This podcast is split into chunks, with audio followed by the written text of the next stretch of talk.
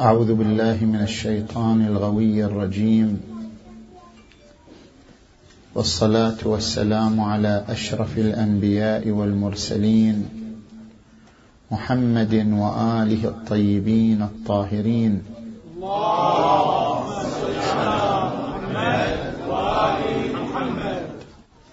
بسم الله الرحمن الرحيم. فمن يرد الله أن يهديه يشرح صدره للإسلام.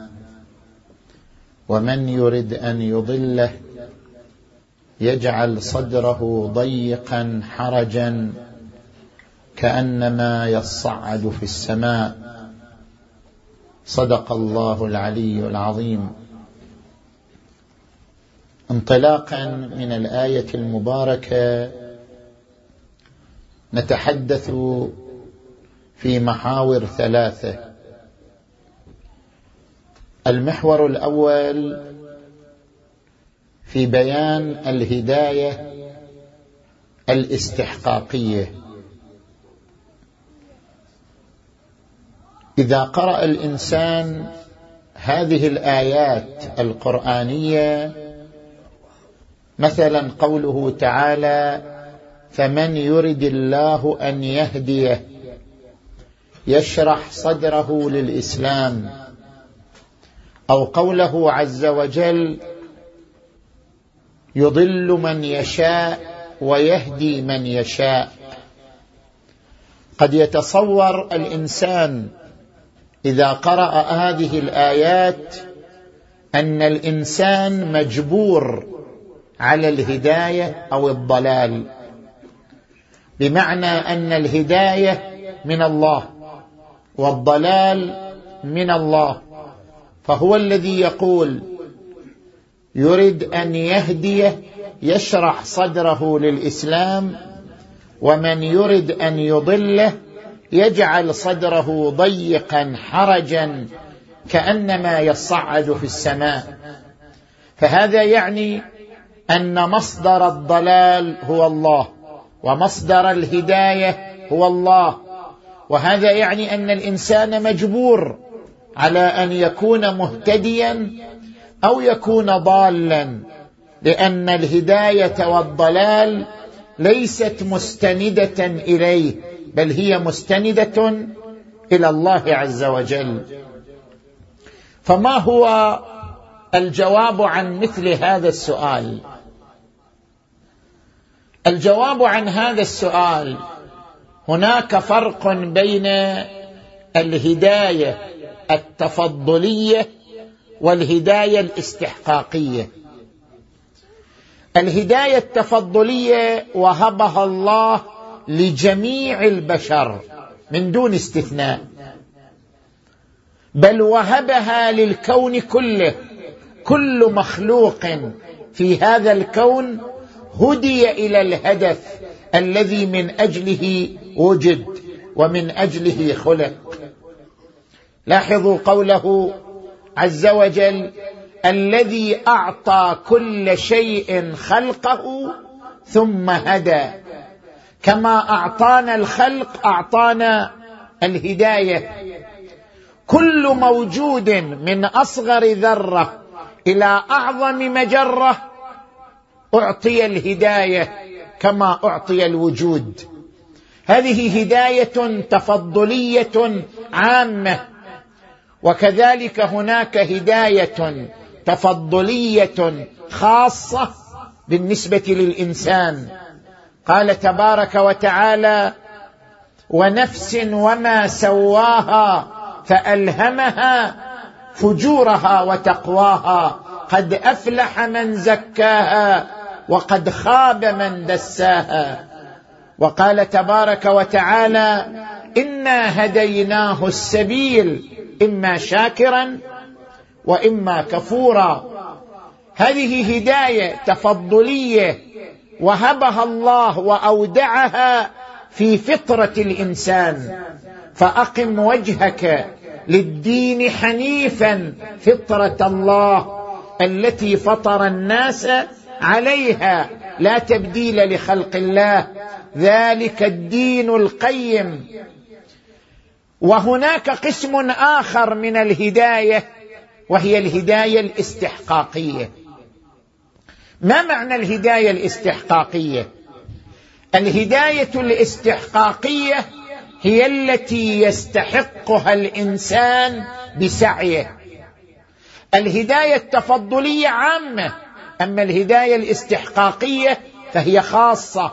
يستحقها الإنسان بجهده يستحقها الإنسان بسعيه كما في قوله عز وجل والذين جاهدوا فينا لنهدينهم سبلنا. لأنهم جاهدوا لأنهم أصروا على أن يهتدوا رزقوا الهداية لسعيهم وجهدهم.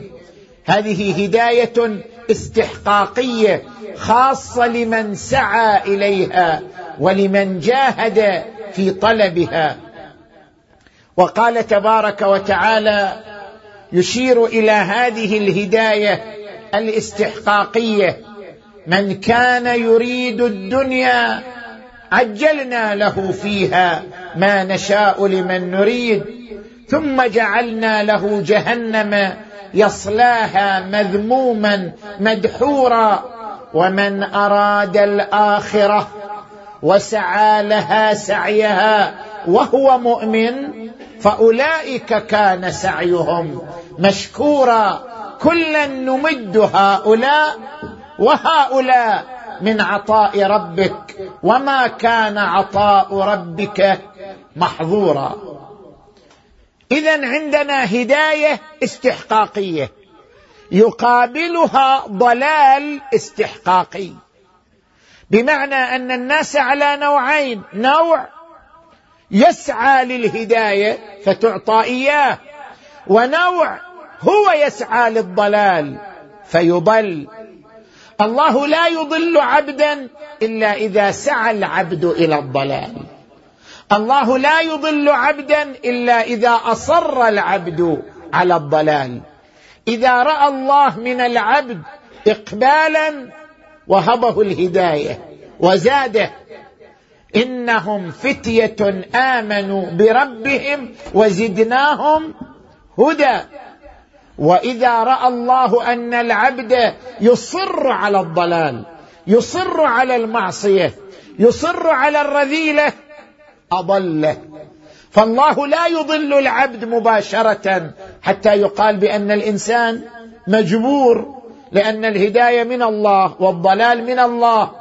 الله يهدي العبد إذا أراد العبد الهداية.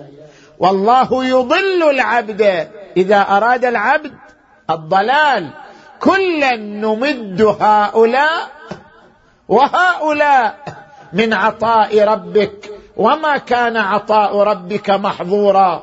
لذلك تقرأ في آية أخرى فلما زاغوا أزاغ الله قلوبهم.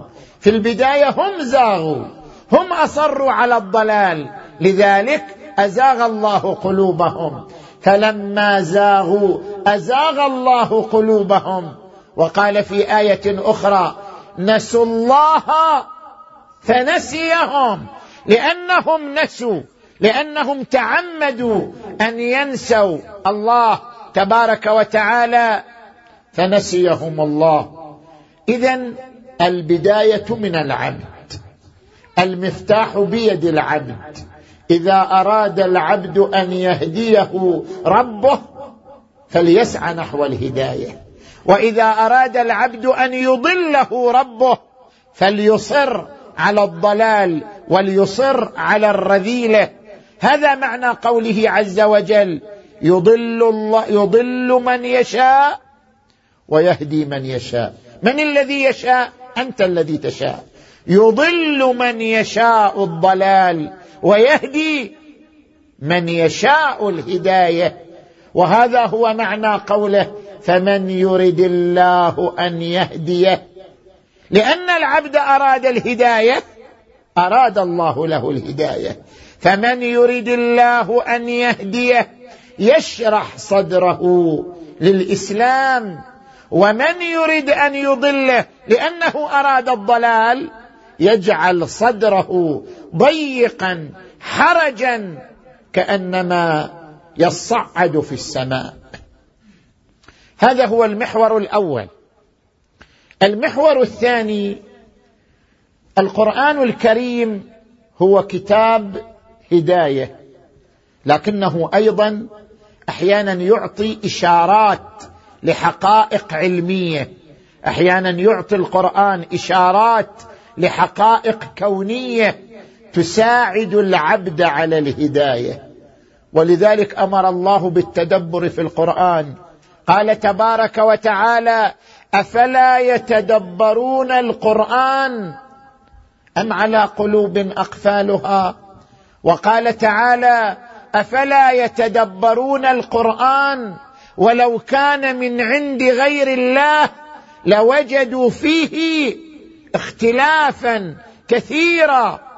التدبر في القرآن أن تتأمل في هذه الإشارات التي وضعها القرآن للحقائق الكونية لأن هذه الحقائق إذا استبصرتها قويت هدايتك وتعمق تقربك وتعلقك بالله عز وجل.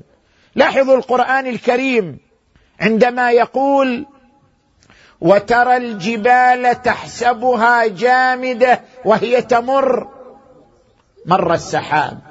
هذه إشارة إلى حركة الأرض. القران أشار إليها قبل ألف وأكثر من أربعمائة سنة. القران أشار إلى ذلك. إشارات لحقائق كونية. كان العرب لا يفهمون معنى قوله وترى الجبال تحسبها جامدة وهي تمر. مر السحاب صنع الله الذي أتقن كل شيء. القرآن الكريم عندما يقول والسماء بنيناها بأيد وإنا لموسعون. لم يفهم الإنسان ما معنى وإنا لموسعون.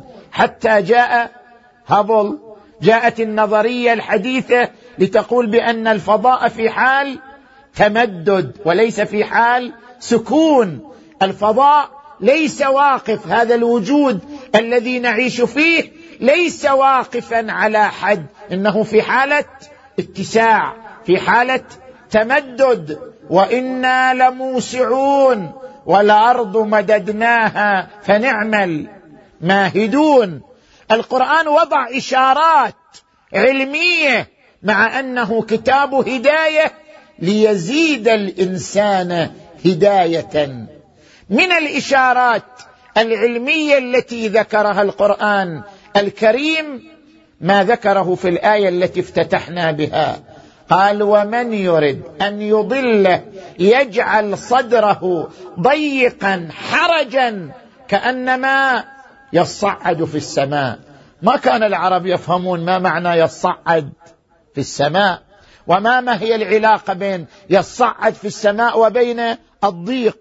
شنو العلاقة بين الصعود إلى السماء وبين الضيق؟ ما كان الناس يفهمون ذلك. الآن في هذا العصر فهم الناس أن الإنسان إذا تجاوز الغلاف الجوي المحيط بالأرض وانقطع عن الأكسجين لا يستطيع أن يتنفس يضيق به النفس لأنه يحتاج إلى هذه المادة لكي يعيش عليها. لذلك قالت الآية ومن يرد أن يضله يجعل صدره ضيقا حرجا كأنما يصعد في السماء. المحور الثالث من حديثنا إن الآية المباركة تشير إلى انقسام الإنسان إلى إنسان نوري وإنسان ناري. الناس صنفان هناك إنسان نوري هناك إنسان ناري. القرآن أشار إلى كلا القسمين. القسم الأول قال عنه أفمن شرح الله صدره للإسلام فهو على نور من ربه. وقال القرآن عن الإنسان النوري أومن كان ميتا فأحييناه وجعلنا له نورا يمشي به في الناس كمن مثله في الظلمات ليس بخارج منها. ويقول القرآن الكريم يوم لا يخزي الله النبي والذين آمنوا معه نورهم يسعى بين أيديهم وبأيمانهم يقولون ربنا أتمم لنا نورنا. هذا الإنسان النوري وهناك إنسان ناري قطعة من النار قطعة من اللهب. القرآن الكريم يذكر هذا الإنسان الناري عندما يقول قوا أنفسكم وأهليكم نارا وقودها الناس والحجارة. كيف يصير الإنسان وقود للنار؟ كيف يتحول الإنسان إلى أن يكون وقودا للنار؟ إذا كان إنسانا ناريا. هذا الإنسان الناري قطعة من اللهب قطعة من جهنم. هو يعطي النار وجود. هو يعطي النار وقود. هو يعطي النار لهب لأنه قطعة من النار. اذا هناك إنسان نوري هناك إنسان ناري. ولكل منهما صفات. ما هي صفات الإنسان النوري؟ وما هي صفات الإنسان الناري؟ نجي إلى صفات الإنسان النوري. الصفة الأولى للإنسان النوري هو الإقبال على العبادة. شرح الله صدره للإسلام. ألم نشرح لك صدرك؟ انشراح الصدر يعني الإقبال على العبادة. أن يشعر الإنسان أنه يحب العبادة. إذا فتش الإنسان قلبه إذا فتش الإنسان وجدانه رأى أنه يحب العبادة يقبل على العبادة يحب الصلاة.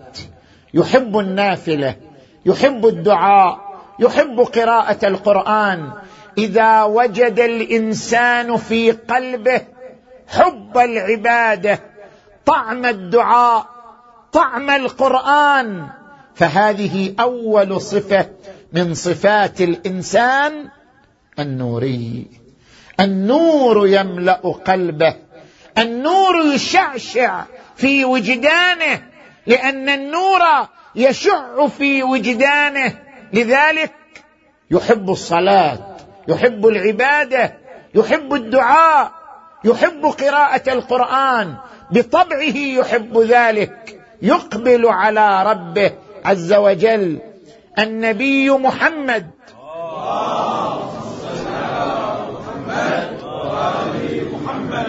كان يقول أحب من دنياكم ثلاث.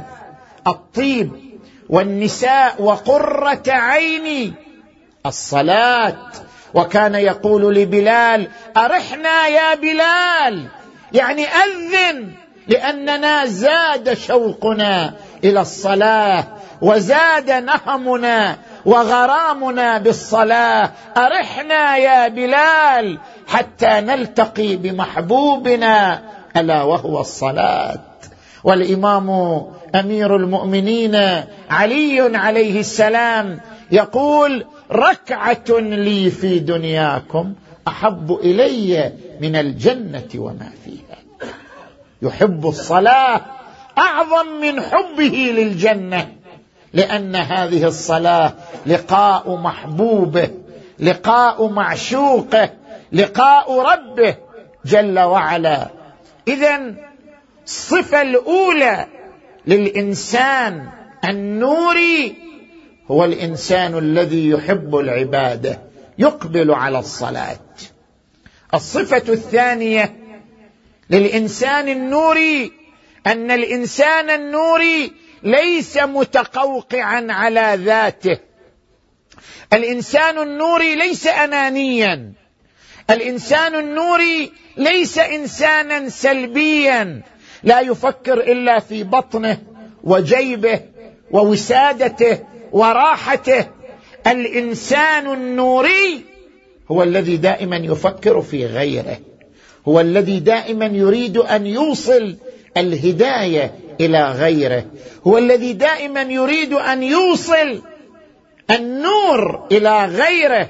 لاحظوا القرآن الكريم يقول أومن كان ميتا فأحييناه وجعلنا له نورا مو نورا لنفسه نورا يمشي به في الناس.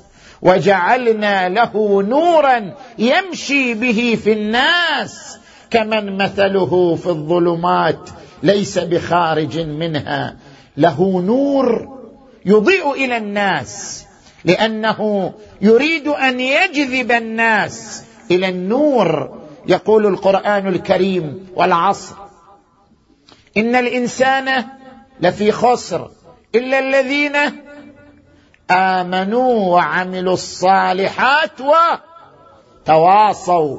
يعني نقلوا النور من قلوبهم إلى قلوب الآخرين وتواصوا بالحق وتواصوا بالصبر والمؤمنون والمؤمنات بعضهم أولياء بعض يأمرون بالمعروف وينهون عن المنكر. هذا هو الإنسان النوري. يقول الإمام الحسن الزكي المجتبى عليه السلام ما رأيت أعبد من أمي فاطمة كانت إذا قامت إلى صلاتها. لا تنفتل من صلاتها حتى تتورم قدماها من طول الوقوف بين يدي ربها. وما رأيتها. لاحظ الإنسان النوري. وما رأيتها دعت لنفسها قط. وإنما تدعو للمؤمنين والمؤمنات فأقول لها اماه فاطمة لم لا تدعين لنفسك؟ فتقول بني حسن الجار ثم الدار. هذا هو الإنسان النوري. هذا هو الإنسان الذي يفكر في غيره قبل أن يفكر في نفسه. ينقل النور إلى غيره. بني حسن الجار ثم الدار. الصفة الثالثة للإنسان النوري هو الإنسان الذي يكون مظهرا لأئمته أهل البيت صلوات الله وسلامه عليهم أجمعين. أنتم أيها الإخوة في دار الغربة في بلاد أخرى يمكنكم أن تكونوا نوريين بأن تكونوا مظهرا جميلا لأئمة الهدى صلوات الله وسلامه عليهم أجمعين. بأن تكونوا مصداقا لما ورد عن الإمام الصادق عليه السلام كونوا دعاة لنا بغير ألسنتكم. كونوا دعاة لنا صامتين. كيف نكون دعاة صامتين؟ هو يقول عليه السلام إن الرجل منكم إذا صدق في حديثه وورع في دينه وأدى الأمانة وحسن خلقه مع الناس قيل هذا جعفري. هذا هو مظهر لنا. قيل هذا جعفري وقيل هذا أدب جعفر. هناك صفات أربعة صدق أمانة حسن الخلق. أن تكون إنسان متواضع مبتسم مع الآخرين والورع. أن لا تدخل في الشبهات. أن لا تقتحم الشبهات. إذا امتلكت الصفات الأربع أنت إنسان نوري أنت مظهر. للأئمة الهداة صلوات الله وسلامه عليهم أجمعين. قيل هذا جعفري وقيل هذا أدب جعفر فيسرني ذلك. من دون فرق بين أن يكون أمامك مسلم غير مسلم صغير كبير أنت مظهر لجعفر أنت مظهر للأئمة. أنت مظهر جميل لهذا المبدأ بأن تكون صادقا متواضعا ورعا امينا. هذه هي صفات الإنسان النوري وهناك إنسان ناري. الإنسان الناري تحدث عنه القرآن الكريم قال ومن يحلل عليه غضبي فقد هوى. هذا إنسان في الهاوية. لماذا؟ لأنه يحمل صفات نارية. ما هي الصفات النارية؟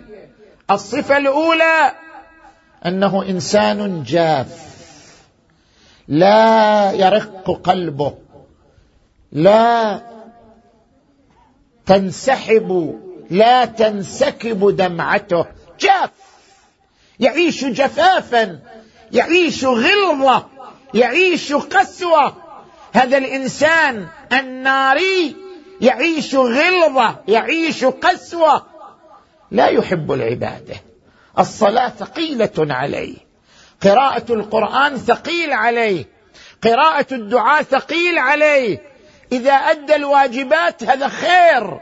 هو لا يقبل بقلبه على العبادة. يعيش ضيقا نفسيا من ناحية العبادة. يجعل صدره ضيقا حرجا. ضيق مو من الدنيا. ترى هذا الإنسان منفتح على الدنيا منفتح على الثروة منفتح على المعصية إلا العبادة. فإنه يضيق قلبه من العبادة. يجعل صدره ضيقا حرجا. كأنما يصعد في السماء. الصفة الأولى للإنسان الناري الإعراض عن العبادة عدم الرغبة في العبادة. الصفة الثانية أن تتطور أن يتطور الإعراض والانصراف إلى أن يتحول إلى قسوة. القران الكريم يقول ثم قست قلوبكم من بعد ذلك فهي كالحجارة أو أشد قسوة. وإن من الحجارة الإنسان يصير أشد من الحجارة قسوة. لماذا؟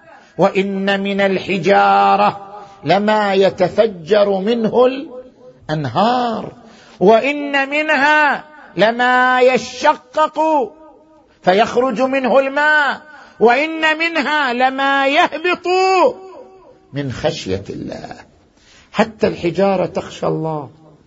القرآن الكريم يقول لو أنزلنا هذا القرآن على جبل لرأيته خاشعا متصدعا من خشية الله.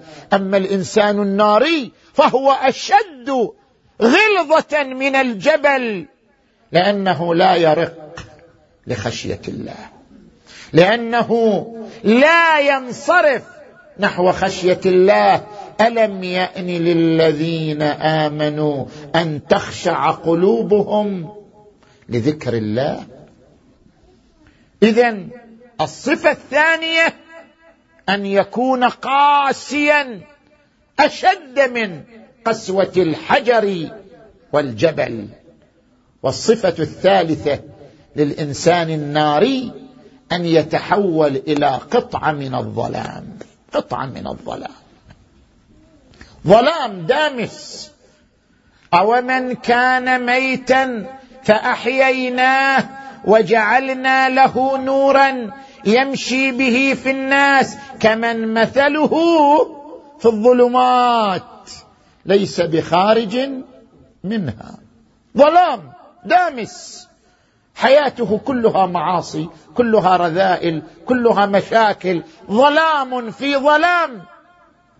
ورد عن النبي صلى الله عليه وآله إذا أذنب العبد خرج في قلبه نكتة سوداء فإن تاب انمحت وإن عاد عادت حتى تغلب على قلبه فلا يفلح بعدها أبدا.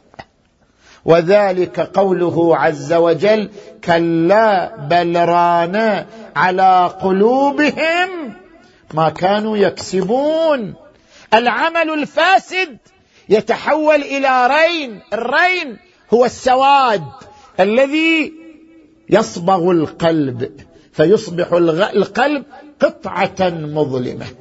كلا بل ران على قلوبهم ما كانوا يكسبون. تحول القلب إلى قطعة من الظلام. لذلك هذا القلب لا يتصدق على فقير. هذا القلب لا يخشع عند ذكر الله. هذا القلب لا يحب أن يسمع موعظة. هذا القلب لا يقبل على العبادة. هذا القلب لا يرق لأحد. لأنه قلب امتلأ سوادا وظلمة حتى أصبح الإنسان إنسانا ناريا.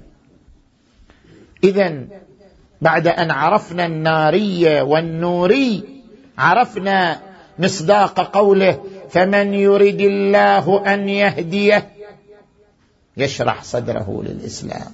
ومن يرد أن يضله يجعل صدره ضيقا حرجا كأنما يصعد في السماء. نسأل الله تبارك وتعالى أن يجعلنا من المقبلين على عبادته وأن يجعلنا من الهادين المهديين وأن يشرح صدورنا بولاية محمد وأهل بيته الطيبين الطاهرين. وأن يرزقنا السير على خطاهم وأن يرزقنا في الدنيا زيارتهم وفي الآخرة شفاعتهم.